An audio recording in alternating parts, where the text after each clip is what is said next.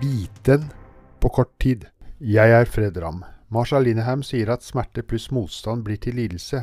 Det er altså to komponenter rundt dette med smerte. Smerten i seg selv, og den emosjonelle komponenten knyttet til smerteopplevelsen.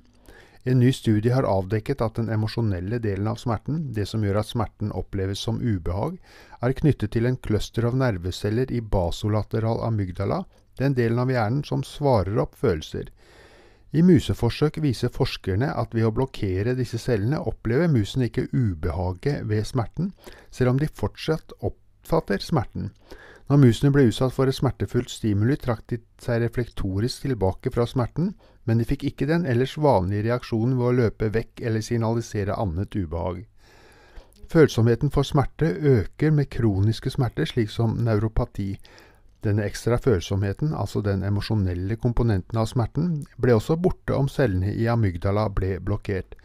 Dette kan også være innfallspunkt ikke bare til fysisk smerte, men også emosjonell smerte, og smerte som døyves med rusmidler, men mer forskning vil da være nødvendig.